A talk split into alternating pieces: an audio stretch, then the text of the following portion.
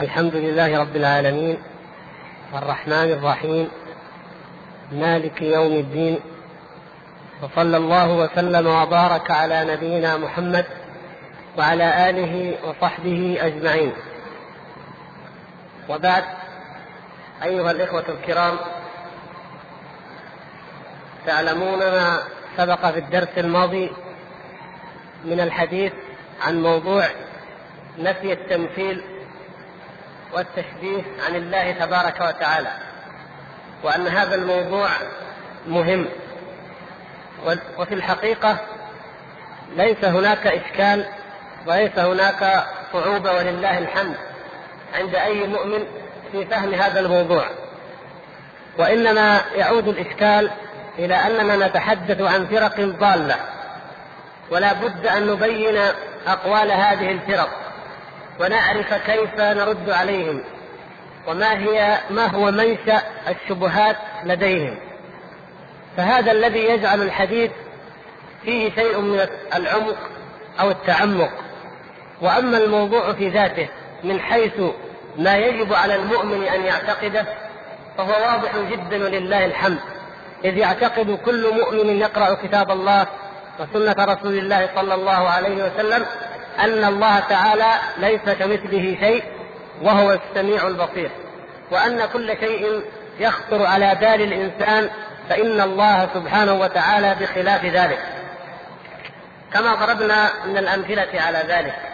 ومن أوضحها وأجلاها ما أخبر به الله ورسوله من نعيم الجنة. مع قوله صلى الله عليه وسلم كما في الحديث الصحيح عن الجنة فيها ما لا عين رأت ولا أذن سمعت ولا خطر على قلب بشر.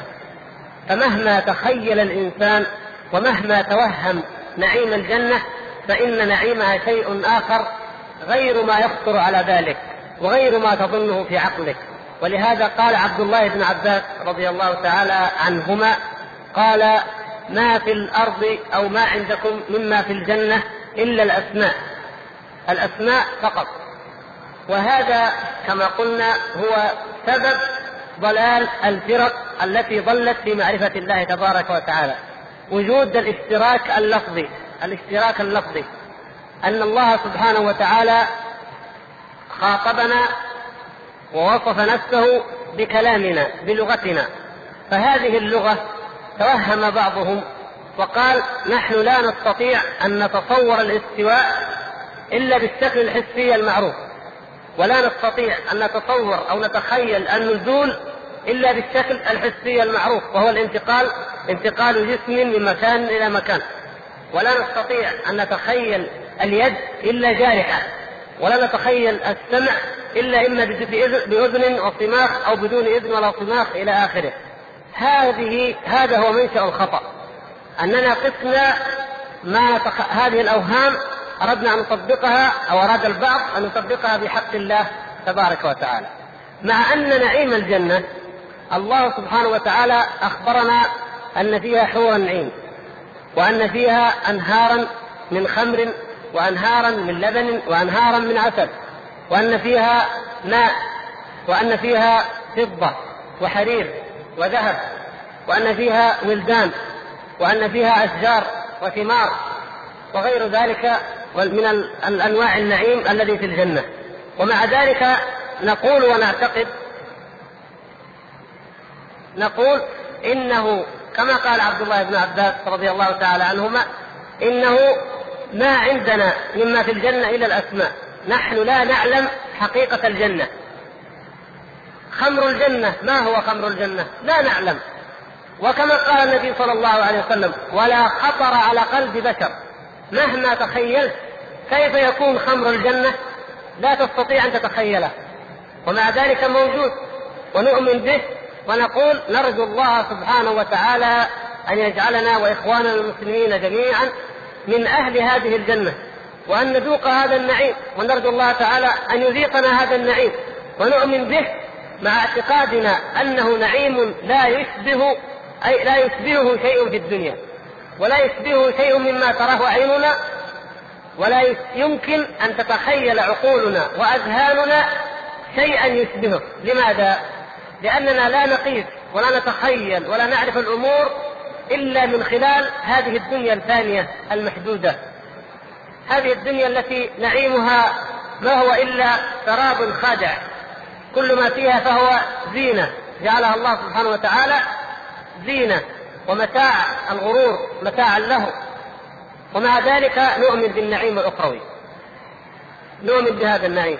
فكيف إيماننا بصفات الله سبحانه وتعالى؟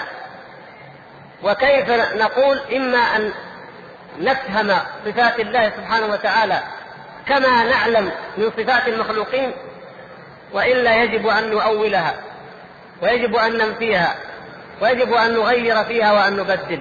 هذا لا يجوز ابدا وهذا لا يصح. بل يجب علينا أن نعتقد بأن الله سبحانه وتعالى لا يشبهه شيء سبحانه. ليس كمثله شيء وهو السميع البصير.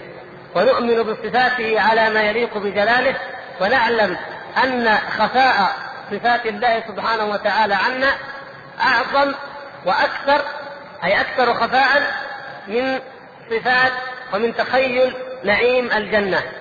وكذلك أحوال يوم القيامة. وغير ذلك من العوالم الغيبية التي نعلمها ونقرأ عنها ونؤمن بها ونصدق بها ومع ذلك ليس في الآخرة ليس عند ما عندنا من حقائقها الأخروية إلا الأسماء الدنيوية. ولهذا فإن الشبهة العظمى الشبهة الكبرى التي وقع فيها الذين أولوا في باب الصفات هي قولهم إن الله تعالى قد أنزل هذا القرآن بلغة العرب وخاطب العرب بما يفهمون ويعلمون.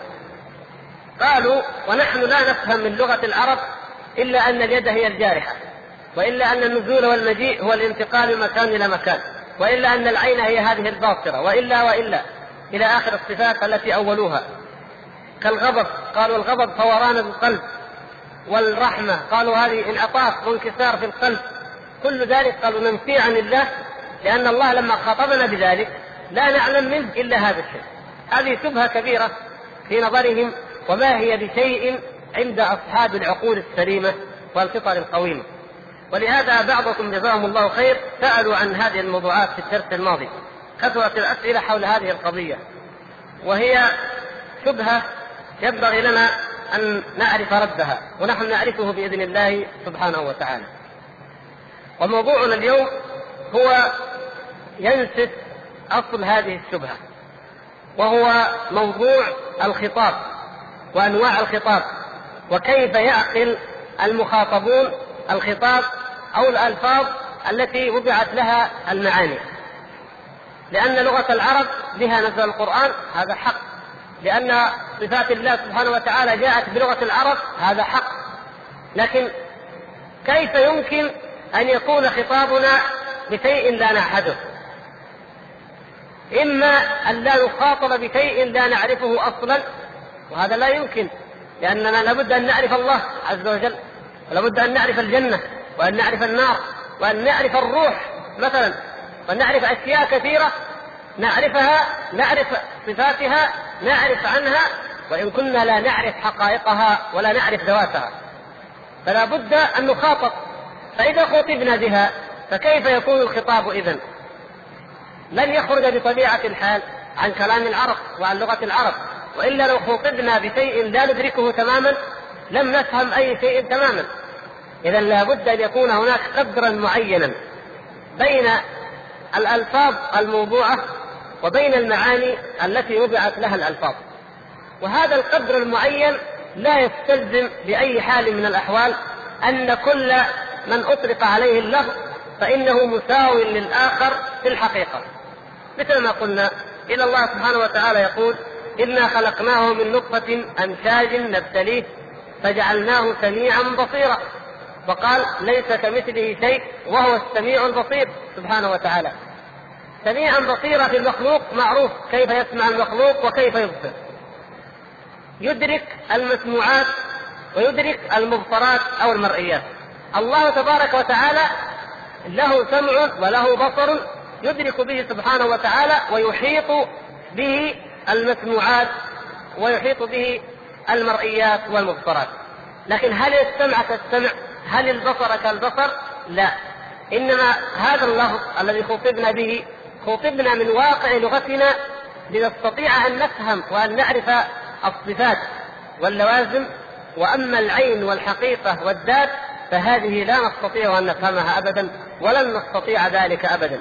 لكن الله من رحمته خاطبنا بلغة قربت المعاني إلينا لنعرف هذا المعنى. لنؤمن بهذا الأصل. نؤمن بأن الله سميع وأن الله بصير وأنه يستوي سبحانه وتعالى مستوي على العرش وأنه ينزل وأن له وأنه يغضب وأنه يرحم. نؤمن بها كما أخبر الله سبحانه وتعالى.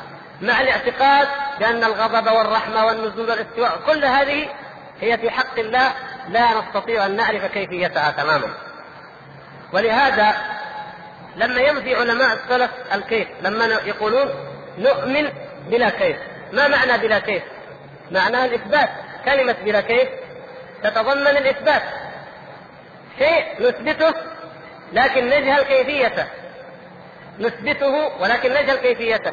لكن لو أننا نسينا المعنى ما الداعي أننا نقول بلا كيفية أو بلا كيف؟ إذا كنا ننفي نفس المعنى. نقول ليس له يد. ما يحتاج نقول ليس له يد بلا كيف. أليس كذلك؟ ما نقول يد بلا كيف. ليس له يد بلا كيف. لا. ما دام نفينا المعنى ما يحتاج نقول بلا كيف. وهذا ليس مذهب السلف. إنما يقولون نثبت له اليد بلا كيف. فلما نفينا الكيفية ولما نفينا المثلية كما نفاها الله سبحانه وتعالى علم أن مذهب السلف هو الإثبات. إثبات الحقيقة. فلهذا إن شاء الله نأخذ اليوم موضوع الألفاظ ودلالة الألفاظ على المعاني. أو نقول بتعبير آخر درجات الإفهام. درجات الإفهام بالخطاب عندما يخاطب أحد كيف يمكن أن يفهم؟ أي إنسان يجهل أي شيء بالمرة؟ أو يعرف أحسن قليلا؟ أو يخاطب بما هو غيب لا يمكن أن يفهمه؟ ومع ذلك نريد أن نوضح له الصورة. ثم نطبق ذلك على موضوع الأسماء والصفات بإذن الله سبحانه وتعالى. بالنسبة للأسئلة التي من المرة الماضية ممكن نؤخرها إن شاء الله ونجيب عليها أو لعل بعضها تظهر إجابته من هذا الموضوع الذي سنقرأه بإذن الله. محمد؟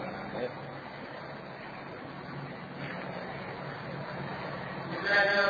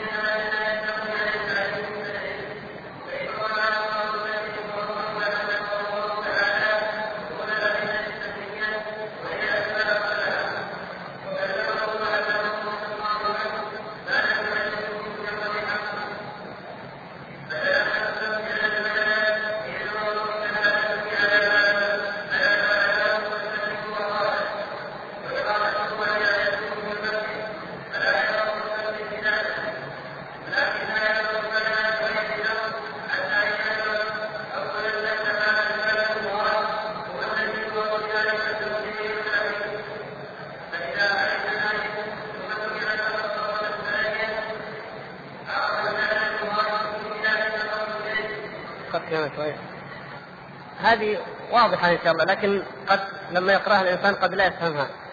يعني المقصود أن الألفاظ وضعت لتدل على معاني معينة. وهذه المعاني لا بد أن يكون هناك رابط أو قدر مشترك بين اللفظ وبين المعنى الذي نريد أن نوصله وأن نفهم السامع به. وهنا كانت اللغة محتاجة إلى التعليم السماعي. ولذلك لو جينا بإنسان مثلا وربيناه بين بعض الحيوان لو عاش طفل بين بعض الحيوان كما يقولون في علم الاجتماع أن بعض الأطفال ربوا مع آه، غزلان أو مع قردة أو كذا وأخذوا يرضعون منها ويعيشوا معها هل هل يتكلم هذا الإنسان؟ هل يكون لديه لغة؟ لا تكون لأن اللغة أمر سماعي يسمع الإنسان ويتلقى التعلم وأول وأبسط مراحل تعلم اللغة هي أنك تمسك الطفل وتشير وتقول هذا جبل هذا قمر هذا أب هذه أم هذا كذا هذا كذا. فالطفل يرتبط في ذهنه المعنى بالإشارة فيحفظ. ولذلك لو حفظت الطفل خطأ لو حفظت أن الجبل هذا هو ماء وبقي يحفظه لأخذ يخاطب الناس ويقول هذا ماء ويشير إلى الجبل لأنه أخذها تعلما. سمعيا للسماع. ولهذا يقول المؤلف لا يمكن أن يستغني أحد عن السماع. كل البشر كذا لأن أبانا آدم عليه السلام علمه الله تبارك وتعالى أسماء كل شيء. فهو الذي علمه سبحانه وتعالى. وبعد ذلك أصبح يعرف يطلق يعرف كيف يطلق الأسماء على مسمياتها. ويطلق على كل شيء اسمه الموضوع له. هذه الدرجة الدنيا أو الأقل من درجات الخطاب ومعرفة المخاطب. فالمخاطب المتكلم هناك معنى في نفسه. هذا المعنى يريد أن يعبر عنه يريد أن يشرحه لغيره فأوضح شيء في الشرح أن يقول له هذا هو. لو سألك أحد عن شيء لا تعرفه تماما تقول مثل هذا وتريه في يده يعرفه ويحفظ الاسم. فأيما مرة يجد مثل هذا الشيء ويقول لك هذا هو الشيء.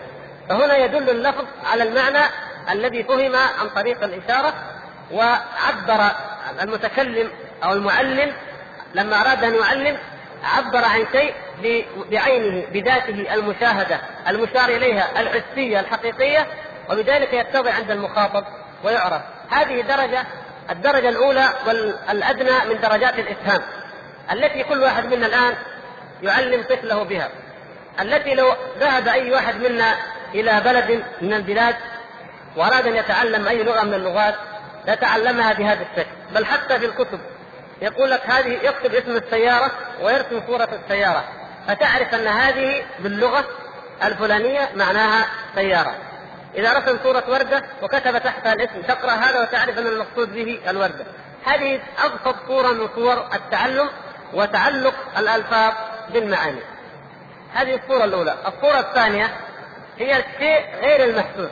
الشيء الذي لا يحس ولا يرى مثل الجوع ومثل الظمأ. وهذا ما سيقرأه الأخ. وإن كانت الإشارة.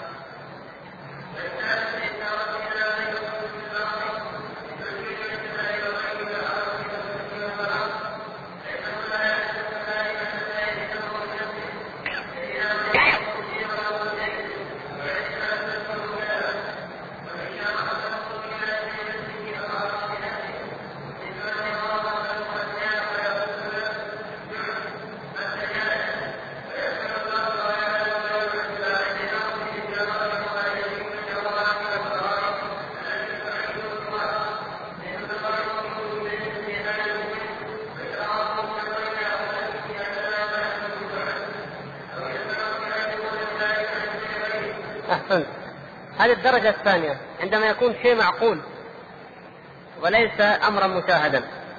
فكيف يفهم الإنسان؟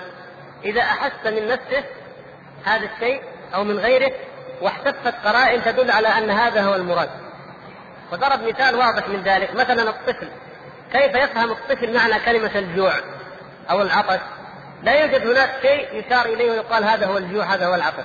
لكن إذا أحس بنفسه هذا الشيء ووجد أن أمه تقول له أنت جائع تقدم له الطعام أو الحليب وفي كل مرة يتكرر هذا العمل تقول أنت عطشان وتأتي بالماء يقترن في ذهنه الماء بالعطش والجوع بالأكل فيفهم أن هذا الشيء الذي ينشأ في داخله وهو الحاجة للطعام هذه تسمى جوع. الحاجة إلى الشراب هذه تسمى مثلا عطش. فيفهم الطفل هذا الشيء ويتلقاه مع أنه غير مشار إليه. إذا هناك نوعين، نوع المحسوس المشاهد وهذا يشار إليه، والنوع الثاني هو النوع الغير المحسوس، الشيء العقلي، الشيء الباطني، الذي يدرك بالعقل فقط، فعندما تأتي دواعيه وتحف قرائن معينة تبين ما هو المراد منه. يفهم الإنسان ما معنى الغضب وما معنى الرضا بهذه الطريقة. فعندما يرى الطفل إنسان جاء وعليه ملامح التجهم والانقباض ويقول أبوه هذا جاء غضبان وعندما يأتي آخر وعليه علامة الانبساط والانشراح والابتسام يقول له هذا جاء وهو راضي هذا جاء منشرح فيفهم الطفل أو الإنسان الذي لا يعرف اللغة العربية مثلا يفهم معنى كلمة غضبان ومعنى كلمة راضي أو منشرح بهذه القرائن المعينة الظاهرة يرتبط في ذهنه هذا الشيء. إذا هذه هي الدرجة الثانية من درجات الإفهام للمخاطبين بأمر لم يكن الإنسان يعرفه ولم يسمع عنه.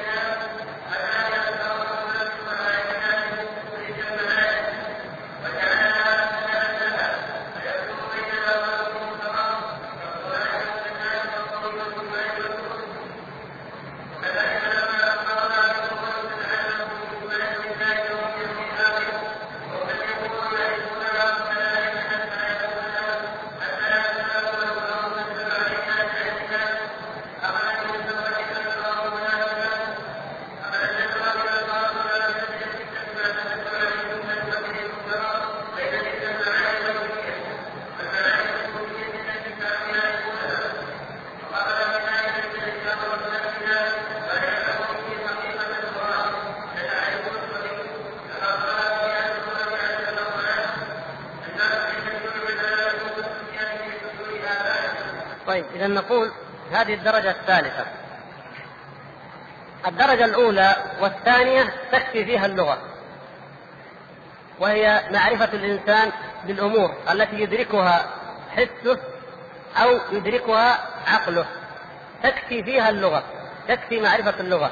فإذا تربى الطفل أو تربى تعلم إنسان من اللغة وعرف الأشياء المحسوسة التي يستطيع يدركها بحسه وعرف الأشياء المعقولة التي يستطيع عقله أن يفهمها من خلال هذه اللغة فإنه لا يحتاج في بيان هذه اللغة في بيان هذه المعاني إلا إلى اللغة.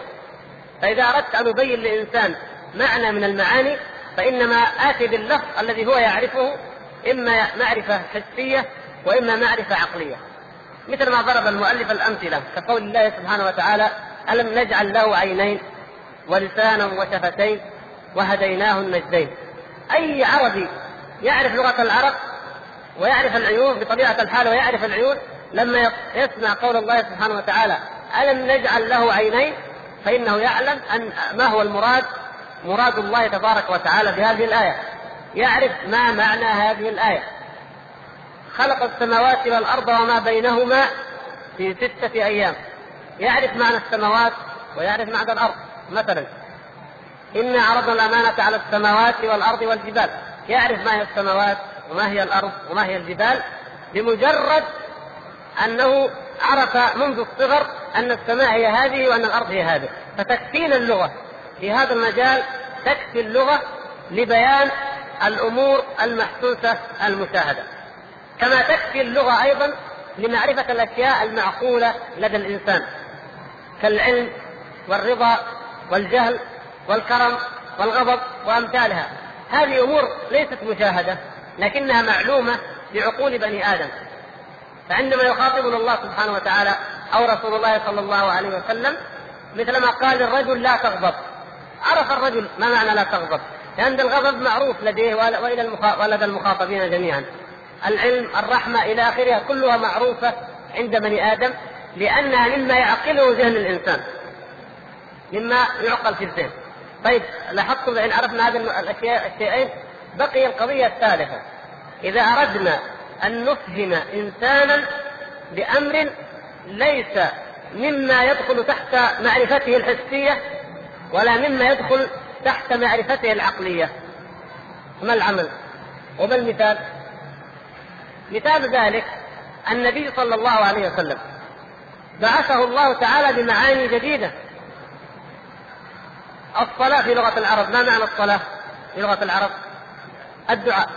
ما معنى الزكاة في لغة العرب؟ التطهير أو الطهر. ما معنى الصيام في لغة العرب؟ معناها الإمساك. ما معنى الحج في لغة العرب؟ القصد إلى الشيء. هذه كلها معاني في كلام العرب وفي أشعارهم وفي لغاتهم. فلما جاء الشرع وجاء الدين من عند الله سبحانه وتعالى فلا بد أن يخاطب الناس بلغتهم كما قلنا. لا بد وما أرسلنا من رسول إلا بلسان قومه. فلا بد أن يخاطبوا بلغتهم وبألسنتهم. فكيف يعبر عن المعاني الجديدة التي لم يعرفوها قط؟ لأنهم أمة أمية. لم يبعث فيها نذير من قبل. كيف يخاطبون بهذه المعاني الجديدة؟ نقول عن طريق التمثيل والتقريب. وكلما كان المخاطب أبلغ وأفصح كلما كان بيانه أجلى. وتمثيله أعظم. وكما تعلمون أن الله سبحانه وتعالى قد أنزل هذا القرآن بلغة العرب آية عظمى وتحداهم أن يأتوا بمثله أو بسورة من مثله. فهو في قمة البلاغة المتحدية. والنبي صلى الله عليه وسلم هو أفصح العرب. هو أكمل العرب بيانا. إذا بيان الله وبيان رسوله صلى الله عليه وسلم هو في قمة البيان. وفي غاية البيان التي لا يستطيع أن يقاربها أفصح الفصحاء فكيف كان التعبير وكيف كان إفهام المخاطبين عن هذه المعاني عن طريق التمثيل التقريب؟ يكون هناك أي معنى مشترك أي قدر مشترك. الصلاة جاءت في عرف الشارع على هذه الأقوال والأفعال المعروفة التي طبقها النبي صلى الله عليه وسلم أمامهم التي تبدأ بتكبيرة الإحرام وتنتهي بالتسليم بما في ذلك من قراءة وركوع وسجود. سماها الشرع صلاة. في مناسبة بينها وبين الأصل الذي هو الدعاء نعم في مناسبة معينة. من الذي حدد هذه المناسبة؟ من الذي عبر عن حتى أصبحنا نعرف هذا عبر عنها الله ورسوله. ولهذا هو أبلغ وأكمل البيان. وكذلك الحج في اللغة مجرد القصد أن تقصد إلى شيء تتجه إليه يقال حجه أي اتجه إليه قصده وأراده. توجه إليه متجه مسافرا إليه. فمثلا وفي الشرع كما كان معروفا لأن الحج معروف لدى العرب من منذ أن كان إسماعيل عليه السلام وتعلم لغتهم هو قصد البيت الحرام أي أداء النسك المعروفة التي نعرفها جميعا. وكذلك الزكاة وأمثالها. إذا قربت هذه المعاني قربت بكلام العرب ومن جنس كلام العرب حتى فهمها العرب. وحتى أصبح الإنسان إذا قلنا له الصلاة لا يفهم منها الدعاء إنما يفهم منها الصلاة المعروفة. من كثرة ما أصبحت معروفة لدى الناس. فبهذا الجزء البسيط جدا الذي هو قدر مشترك بين المعنى الأساس وبين المعنى الأصلي حصل مع تعريف الناس بالصلاة لكن هل الصلاة الأركان المعروفة السجود والركوع وهذه الأشياء المعروفة. هل تشبه مدلول أو معناها يشبه معنى مجرد الدعاء الذي كان العرب في الجاهلية؟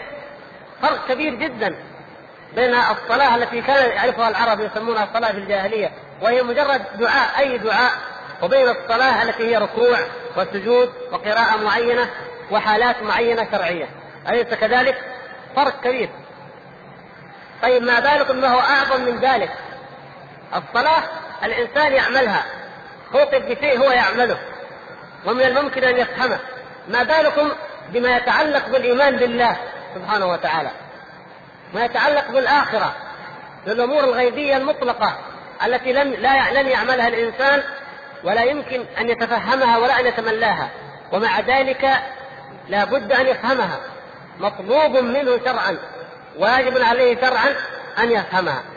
إذا تأتي لغة اللغة بقدر مشترك يوجد قدر مشترك بين هذا الذي خوطب به الإنسان وبين حقائقه الغيبية. مثلا النار كلمة النار كلمة جهنم والعياذ بالله. إذا خوطب الإنسان بها إذا قرأها الإنسان في القرآن فإنه يعلم أن هذه النار لا تشبه نار الدنيا. بعيدة الشبه جدا بنار الدنيا. لكن هناك قدر مشترك معروف. لم تسمى جهنم مثلا الماء.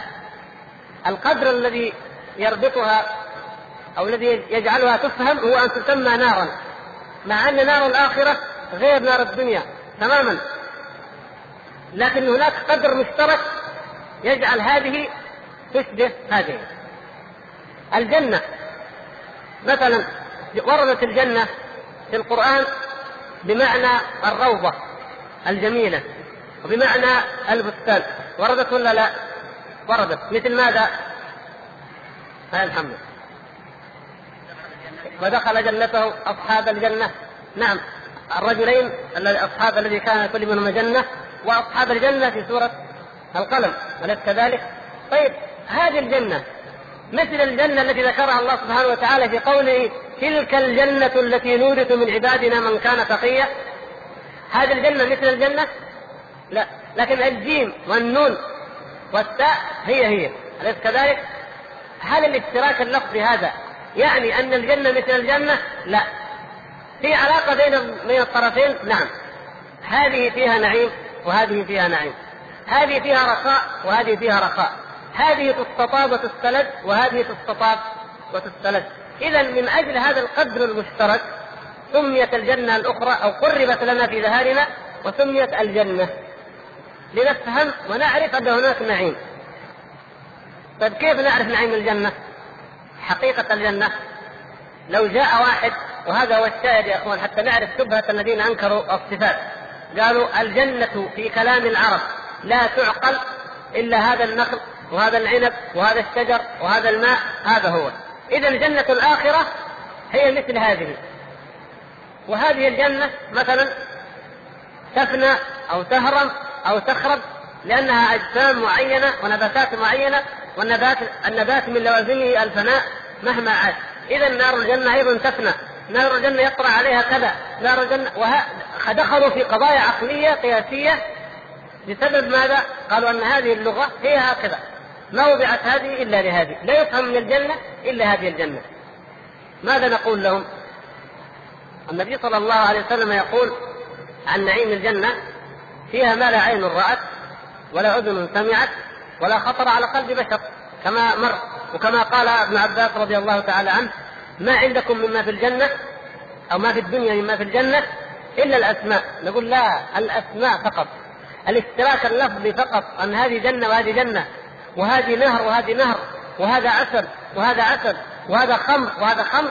لا يعني أن الجنة جنة الدنيا كجنة الآخرة ولا أنهارها كأنهارها ولا خمرها كخمرها ولا لبنها كلبنها ولا عسلها كعسلها أبدا. لكن الخطاب لما أراد الله تبارك وتعالى أن يفهمنا وأن يعلمنا بهذه الجنة وكانت مما لا ندركه بحواسنا ليشير المشار إليه وكانت مما لا ندركه بعقولنا لنخاطب بأمر نعقله فقربت خوطبنا عن طريق التمثيل. قرب إلينا بشيء مثال هو أقرب شيء لإعطائنا طرف المعنى لا لإعطائنا حقيقة الذات المعنية بهذا اللفظ. لا يكون ذلك أبدا. طيب ما هو أعظم من الجنة ومن النار ومن الآخرة؟ وهو صفات الله سبحانه وتعالى. نقول هذا أعظم وأعظم. الله سبحانه وتعالى عليم. الله سبحانه وتعالى سميع كما أخبر عن نفسه وبصير ورحيم. ماذا أفهم أنا من, من لما أقول الإنسان سميع؟ أنه يسمع الأشياء التي يمكنه أن يسمعها. الله سبحانه وتعالى أثبت لنفسه أنه سميع مثل هذا الاسم. نقول هل السمع كالسمع؟ لا يمكن ذلك أبدا. طيب لماذا جاء الخطاب بهذا اللفظ؟ هناك قدر مشترك لفظي فقط وهو أن الإنسان يدرك المسموعات التي تليق به وبسمعه. والله تبارك وتعالى أيضا يسمع ما يليق به وبسمعه وهو سبحانه وتعالى أحاط بكل شيء علما ولا يفوته شيء ولا يعجزه شيء. بخلاف الإنسان فإن سمعه محدود. وكذلك البصر لا يخفى على الله تبارك وتعالى شيء. أما الإنسان فبصره محدود. لكن المراد المراد عندما خطبنا بهذه الكلمة من كلام العرب أن نعرف بالذات يعني حقيقة المعنى. أن نعرف شيء يشير إلى المعنى بحيث نفرق به بين هذا المعنى وبين معنى آخر. كون الله تعالى سميعا غير كونه بصيرا. وكذلك الإنسان الإنسان له سمع وله بصر. وكونه سميع يفرق عن كونه بصير. فإذا قلت لك أنا هذا إنسان بصير تفهم منه أنه لديه عين يبصر بها ويرى بها. إذا قلت لك هذا إنسان سميع تفهم شيء آخر معنى آخر يختلف.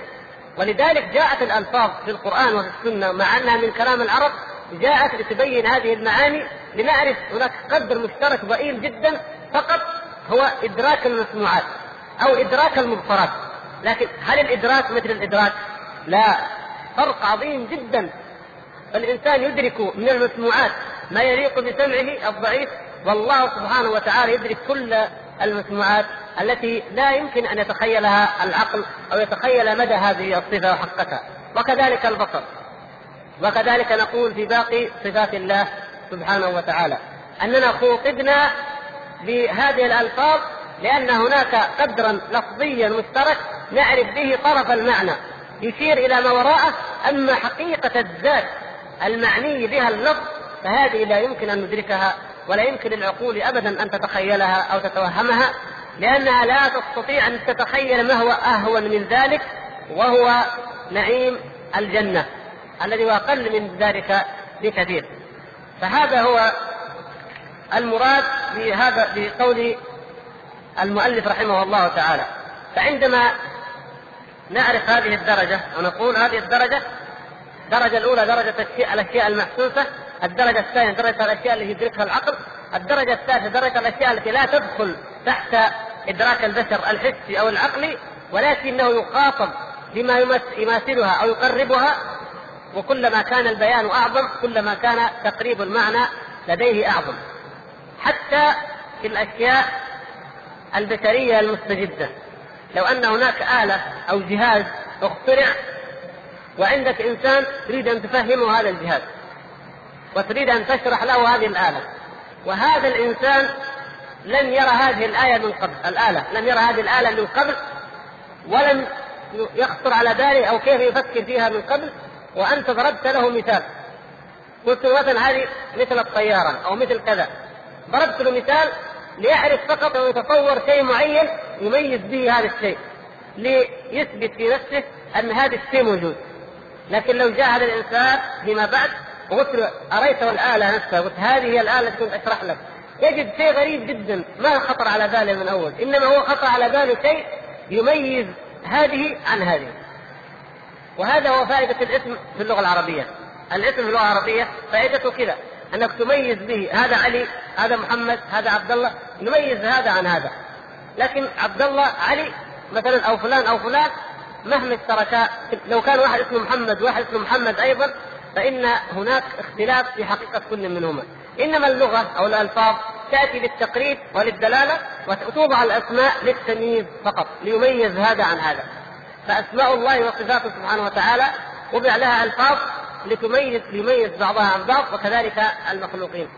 القدر المشترك اللفظي بين ما وصف الله سبحانه وتعالى به نفسه وما وصف وما وصف به سبحانه وتعالى أيضا خلقه وهو الإنسان هذا أمر معقول كلي ذهني وإلا في الحقيقة وفي الواقع وفي الخارج وفي الذوات ليس هناك أي تشابه على الإطلاق. هذه هي الدرجة الثالثة من درجات الإفهام والخطاب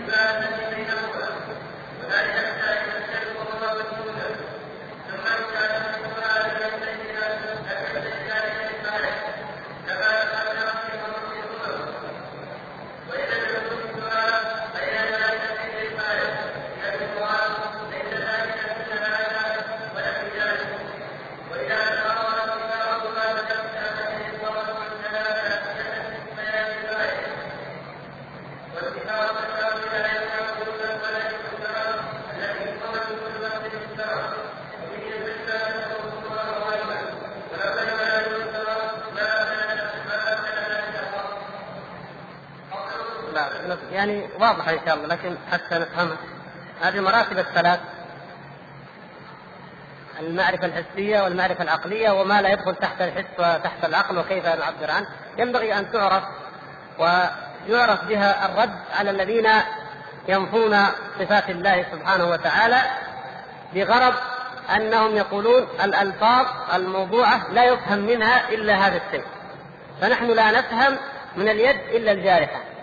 ولا نفهم من النزول إلا الانتقال، ولا نفهم من المجيء إلا الانتقال وهكذا، أي الشيء الحسي لا نفهم نقول ما نفهم من هذه الصفات إلا الشيء الحسي المعروف ولذلك ننفيها عن الله وننزه الله سبحانه وتعالى عنها وننكر هذه الصفات. فنقول هذه الدرجات الثلاث يعرف الإنسان السر في أن هذه اللغة التي خطبنا بها تشتمل على قدر مشترك ولذلك صرنا نفهم الأمور به النبي صلى الله عليه وسلم. من الأمور الغائبة عنا إما أن يكون جنسها معروفا لدينا. مثل ما ذكر المؤلف. أخبرنا الله سبحانه وتعالى في القرآن أنه أهلك عادا أخي على طريق الحق. هنا منتصف الشريف تحرك حركات سريعة لا يصطدم بأي شيء. نقول له حاسة نعم. كيف هذه الحاسة؟ مثل حاستنا؟ لا. اذا هل نحن ننزه الله؟ يعني لما يقول هؤلاء المتكلمين نثبت له السمع وليس له صماخ ولا أذن ولا طيب هذا زي الخفاش خفاش يسمع وما له هذه الأشياء. سبحان الله. ما أشبه هذه العقول وما أضل هذه العقول. الله سبحانه وتعالى يقول ليس كمثله شيء. وهو السميع البصير. فلا نخوض ابدا ولا نستخدم أي لفظ لم يأتي في الشرع. خوضنا هذا دليل على أن التشبيه في قلوبنا. وهكذا علماء الكلام. هكذا نفاة الصفات. هم في قلوبهم تشبيه وفي أنفسهم تشبيه. زي ما قالوا لا نتخيل هذا إلا كذا. نحن ما نتخيل إلا كذا. اذا لازم ننفيه. فيحرف كلام الله ويضيف إليه ما لم يضف. ولذلك سيأتي معنا إن شاء الله في قوله ولا شيء يعجزه أن الذي جاء في الكتاب وفي السنة هو النفي المجمل. ننفي نفيا مجملا عاما. نقول ليس كمثله شيء. عام. هل تعلم له سميا؟ نفي عام. لم يكن له كفوا أحد. نفي عام. لكن عند الإثبات نثبت إثباتا مفصلا. نقول هو الله الذي لا إله إلا هو. الملك القدوس السلام المؤمن المهيمن العزيز الجبار المتكبر. نفس إثبات مفصل. نفصل كثير جدا في في الإثبات. لكن في النفي ننفي نفيا مجملا. ولن تجد كتابا من كتب علم الكلام إلا وفيه هذا النفي المفصل. وليس بكذا وليس بكذا. نرى أن نبدأ بالأهم. فلذلك ممكن أن ننتقل في موضوعنا. تفضل ولا شيء يعجزه. ونشوف التي تتعلق بالموضوع هي أهم. ذلك الكتاب والسنة وهذا الناس يتفرد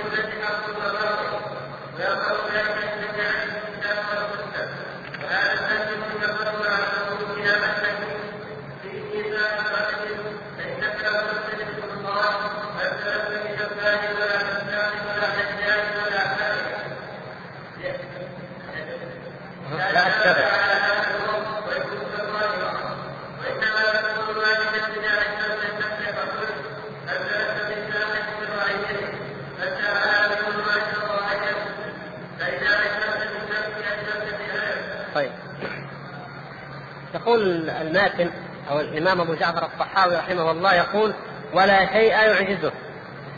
ولا شيء يعجزه. شرحها المؤلف الشارح رحمه الله قال لكمال قدرته. ثم جاء بهذه الآيات ذكر هذه الآيات يأتي بعد كل آية فيها نفي بما يدل على الكمال. وهذا من دقيق فهمه رحمه الله فهم الإمام ابن أبي العز الشارح وهو أن الله سبحانه وتعالى إذا وصف بنفي شيء فإنما يكون لكمال صفة أخرى لكمال شيء آخر. لا يعجزه شيء نقول إيش؟ لكمال قدرته. ولا يظلم ربك أحدا نقول لكمال عدله. ولا يؤوده حفظهما لكمال قوته أو قدرته. وهكذا. كل آية فيها نفي كما قال وما مسنا من لغوب أيضا لكمال قدرته سبحانه وتعالى. في خلق السماوات والأرض. لا تأخذه سنة ولا نوم لكمال حياته وكمال قيوميته التي وردت في أول الآية. لا تدركه الأبصار لكمال جلاله ولكمال عظمته أن يحيط بها أي شيء. وهكذا. فكل آية أو حديث يأتي فيه النفي أن يوصف الله سبحانه وتعالى بشيء فيه نفي فهو لكمال صفة تتعلق بها يتعلق بها هذا الشيء المنفي يتعلق بها هذا المنفي. ومن هنا قال المؤلف رحمه الله تعالى إن النفي الصرف مجرد النفي المطلق لا يقتضي المدح لا مدح فيه. حتى من لغة العرب استدل من لغة العرب بهذا البيت وهو أن أحد الشعراء هجا القبيلة فقال قبيلة لا يغدرون بذمة ولا يظلمون الناس حبة خردل. هذا ما يمدحهم ما يقول هذه القبيلة لا يظلمون بذمة لا يغدرون بذمة ولا يظلمون الناس حبة خردل. هذا ما هو مدح. يريد أن يقول أنهم ضعفاء. عاجزين. ما قد آذوا أحد من جبنهم أو من ضعفهم. ما قد آذوا أحد. ما قد خفروا ذمة أحد. إذا تعاهدهم واحد ما يغفر الذمة أبدا. من ضعفهم ما يقدروا يعتدوا على أحد. ولا يظلمون الناس حبة خردل من ضعفهم ما يقدروا. مثل ما قال المتنبي والظلم من شيم النفوس فإن تجد ذا عفة فلعلة لا يظلمه. يعني في علة ولا كان يظلم بس في علة ما يقدر يخاف. وإلا الظلم من شيم النفوس. هذا هو المعنى الجاهلي. الجاهلية هذا مفهومها أن الإنسان لا, لا يوصف أحد بأنه ما يظلم إلا بمعنى أنه ضعيف أو ما يقدر يعني عاجز لا بمعنى أنه قوي أو قادر. أو بمعنى انه انسان لا يظلم إذا هو عادل. لا ليس هذا هو المقصود. هذا كما قال أيضا الآخر الذي قال لكن قومي وإن كانوا ذوي عدد ليسوا من الشر في شيء وإن هان كأن ربك لم يخلق لخشيته سواهم من جميع الناس إنسانا. يقول كأن الله ما خلق أحد يخافه إلا قومه. قبيلته هذه. فليسوا من الشر في شيء وإن هانا فينفي عنهم الشر. هذا مدح؟ لا. هذا يهجو قومه ويتهمهم بالضعف والخور والجبن والعجز. إذا الله سبحانه وتعالى وهو أعظم من يوصف ومن يثنى عليه سبحانه وتعالى في الثناء اللائق بجلاله لا يوصف بمجرد الشيء السلبي. فنقول لا يظلم فقط مجرد أنه لا يظلم نقول لا يظلم لكمال عدله سبحانه وتعالى. فإذا الذين ينفون الله يصفون الله بالنفي المجرد فقط ولا يثبتون هؤلاء ضلال ضلوا في باب صفات الله سبحانه وتعالى وقعوا في إساءة الأدب مع الله سبحانه وتعالى. كما ذكر المؤلف لما قال أن لو جاء أحد إذا دخل على الملك وأراد أن ينزه الملك وأن يقول أنت ما أنت مثل الرعية مثل فقال أنت لست بزبال ولا كناس ولا طباخ ولا حجام يضحك عليه الملك ويؤدبه والناس كلهم يسخروا من عقله الملك هذا درجته عالية أنت تخاطبه بهذا الكلام تنفي عنه أشياء حقيرة تافهة ما ينبغي. فكيف بملك الملوك سبحانه وتعالى؟ أن يقال إنه ليس بجاهل كما يقول نفاة الصفات. الذين لا يصفون الله تعالى إلا بصفات سلبية أو إضافية. إما أن يقولوا ما هو جاهل. الله تعالى يعلم عليم يقولوا ما هو جاهل. ما هو جاهل بس. طيب هذه ما هو جاهل ممكن تطلقها على أي إنسان تطلق أي إنسان عنده علم يقول ما هو جاهل. فيقول ليس بجاهل وليس بكذا وليس بكذا. أو يقولون له علم عنده علم.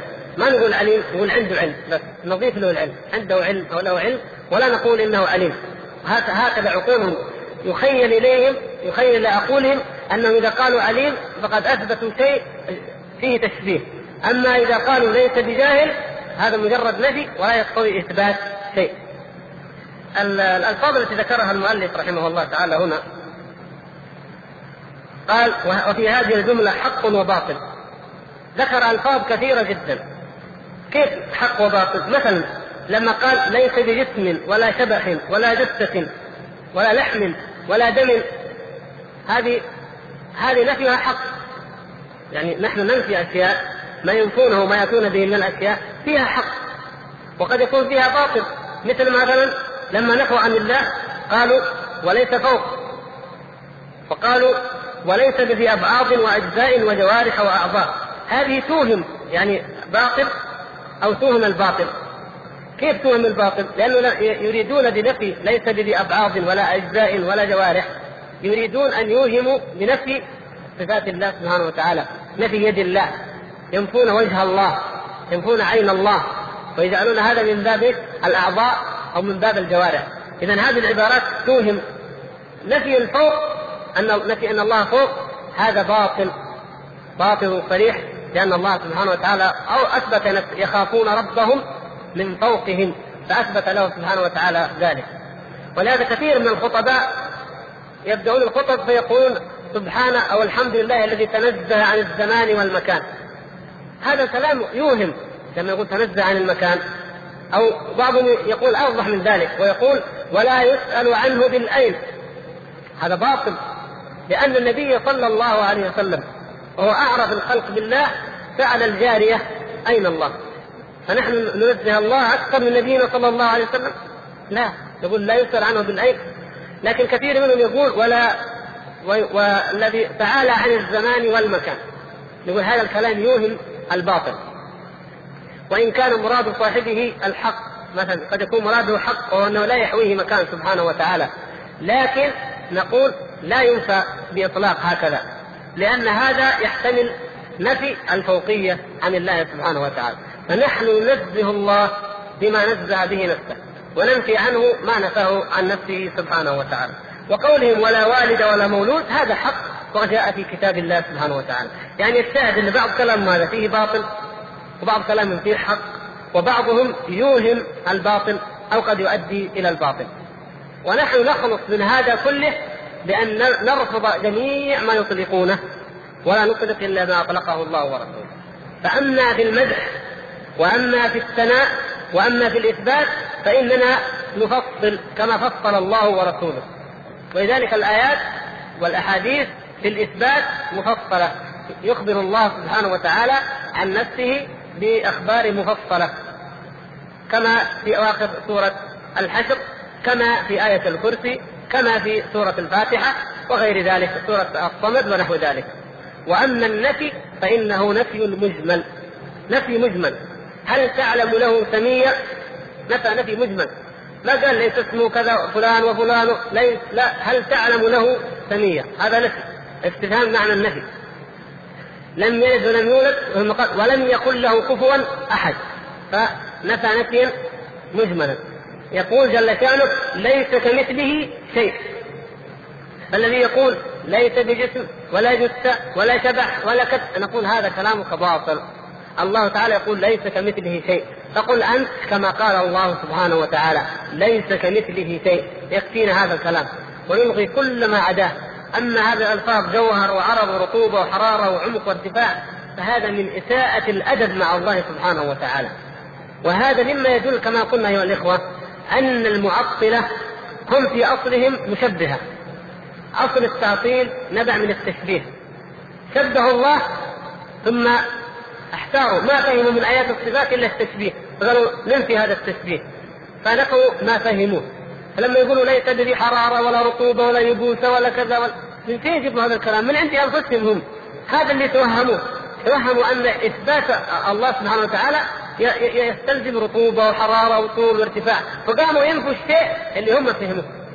لكن الله عز وجل لا في كتابه لا أثبت هذه الأشياء ولا نفى هذه الأشياء بل أجمل وقال ليس كمثله شيء فهي تنفي كل يعني لم تأتي هذه الألفاظ في الكتاب والسنة لا مثبتة ولا منفية انما جاء النفي العام الذي يشملها ويشمل غيرها وهذا النفي الذي جاء في الكتاب والسنة لا يلتبس بنفي الصفات. أما هم فنفيهم يلتبس. ولا يحويه مكان. نفس الشيء. الله سبحانه وتعالى حقا لا يحويه مكان سبحانه وتعالى. لأنه هو المحيط بكل شيء. لكن هل معنى ذلك أننا نثبت ننفي العلو عن الله سبحانه وتعالى؟ إذا قلت يا أخي الله فوق السماوات. قال سبحانه تعالى الله عن الجهة. تعالى أن يحويه مكان. كيف؟ لأنهم لا يفهمون من في في لغة العرب يقول لك في للظرفية. والظرفية تعني أن هذا الشيء بهذا الشيء. هذا هكذا يقولون علماء الكلام. وكثير من المعطلة. أو المؤولة يقولون ننفي علو الله لأنه في السماء يعني هذا الشيء في هذا. فنقول هذا الكلام توهمته عقولكم. وإلا ليس في كلام العرب ولا في صفات الله هذا المعنى. أما في في لغة العرب فإنها لا تدل على أن الشيء يحوي الشيء أبدا. بل تأتي في لغة العرب بمعنى فوق بمعنى على. كما تعلمون حروف الجر بعضها يأتي بمعنى البعض الآخر. الباء تأتي بمعنى عن. وبمعنى من.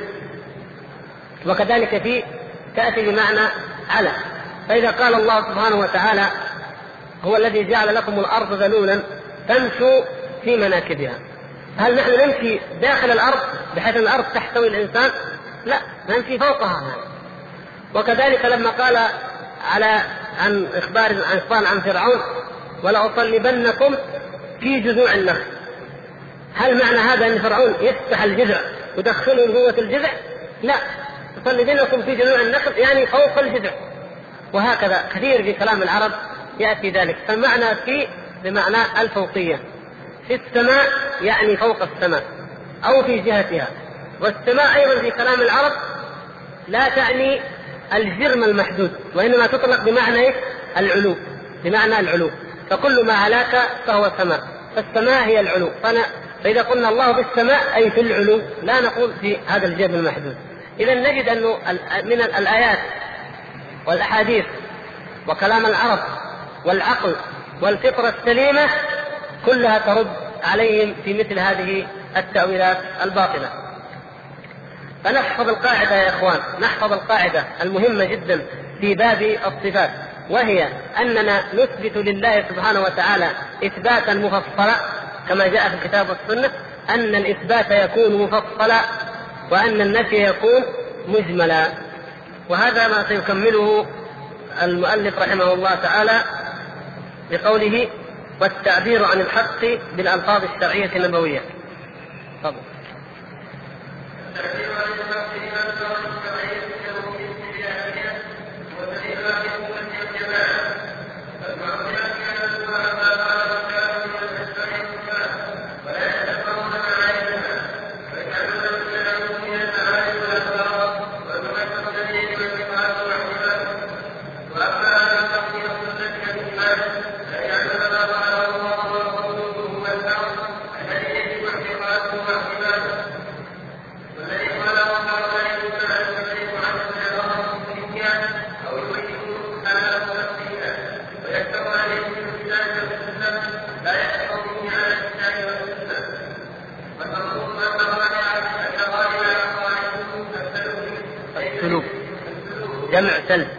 السلوب جمع سلب.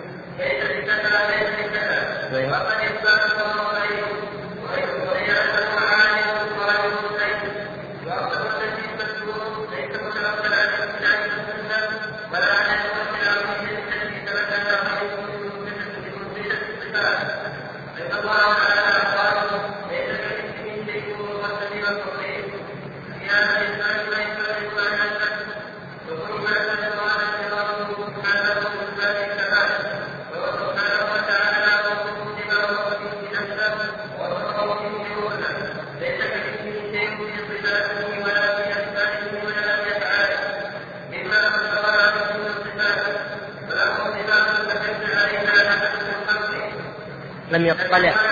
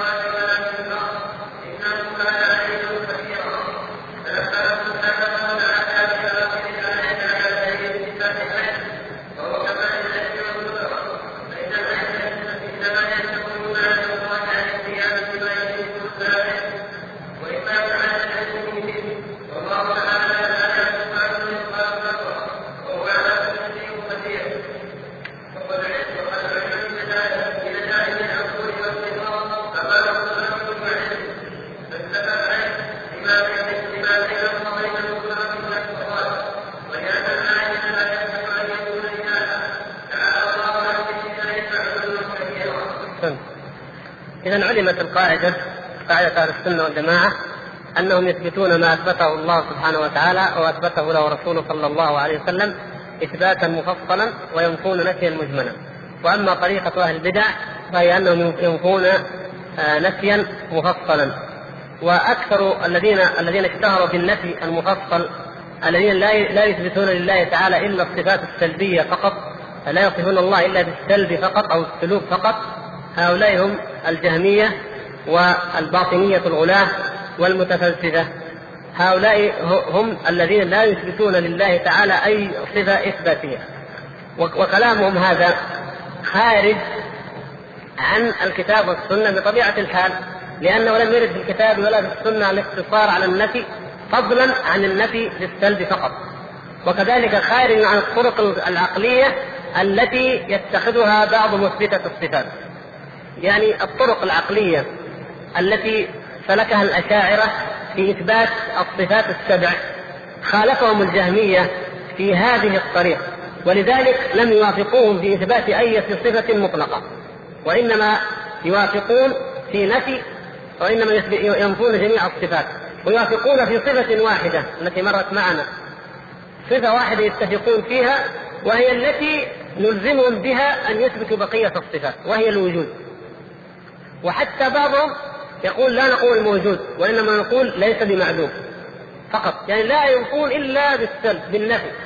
حتى هذه. لكن بعضهم يقول موجود ويسميه واجب الوجود. فنقول لهم إذا اثبتتم الوجود وهو صفة ثبوتية فأثبتوا. إذا كان له وجودا لا يشبه الوجود وجود غيره فكذلك أثبت له استواء لا يشبه استواء غيره ويدا لا تشبه يد غيره وهكذا في جميع الصفات.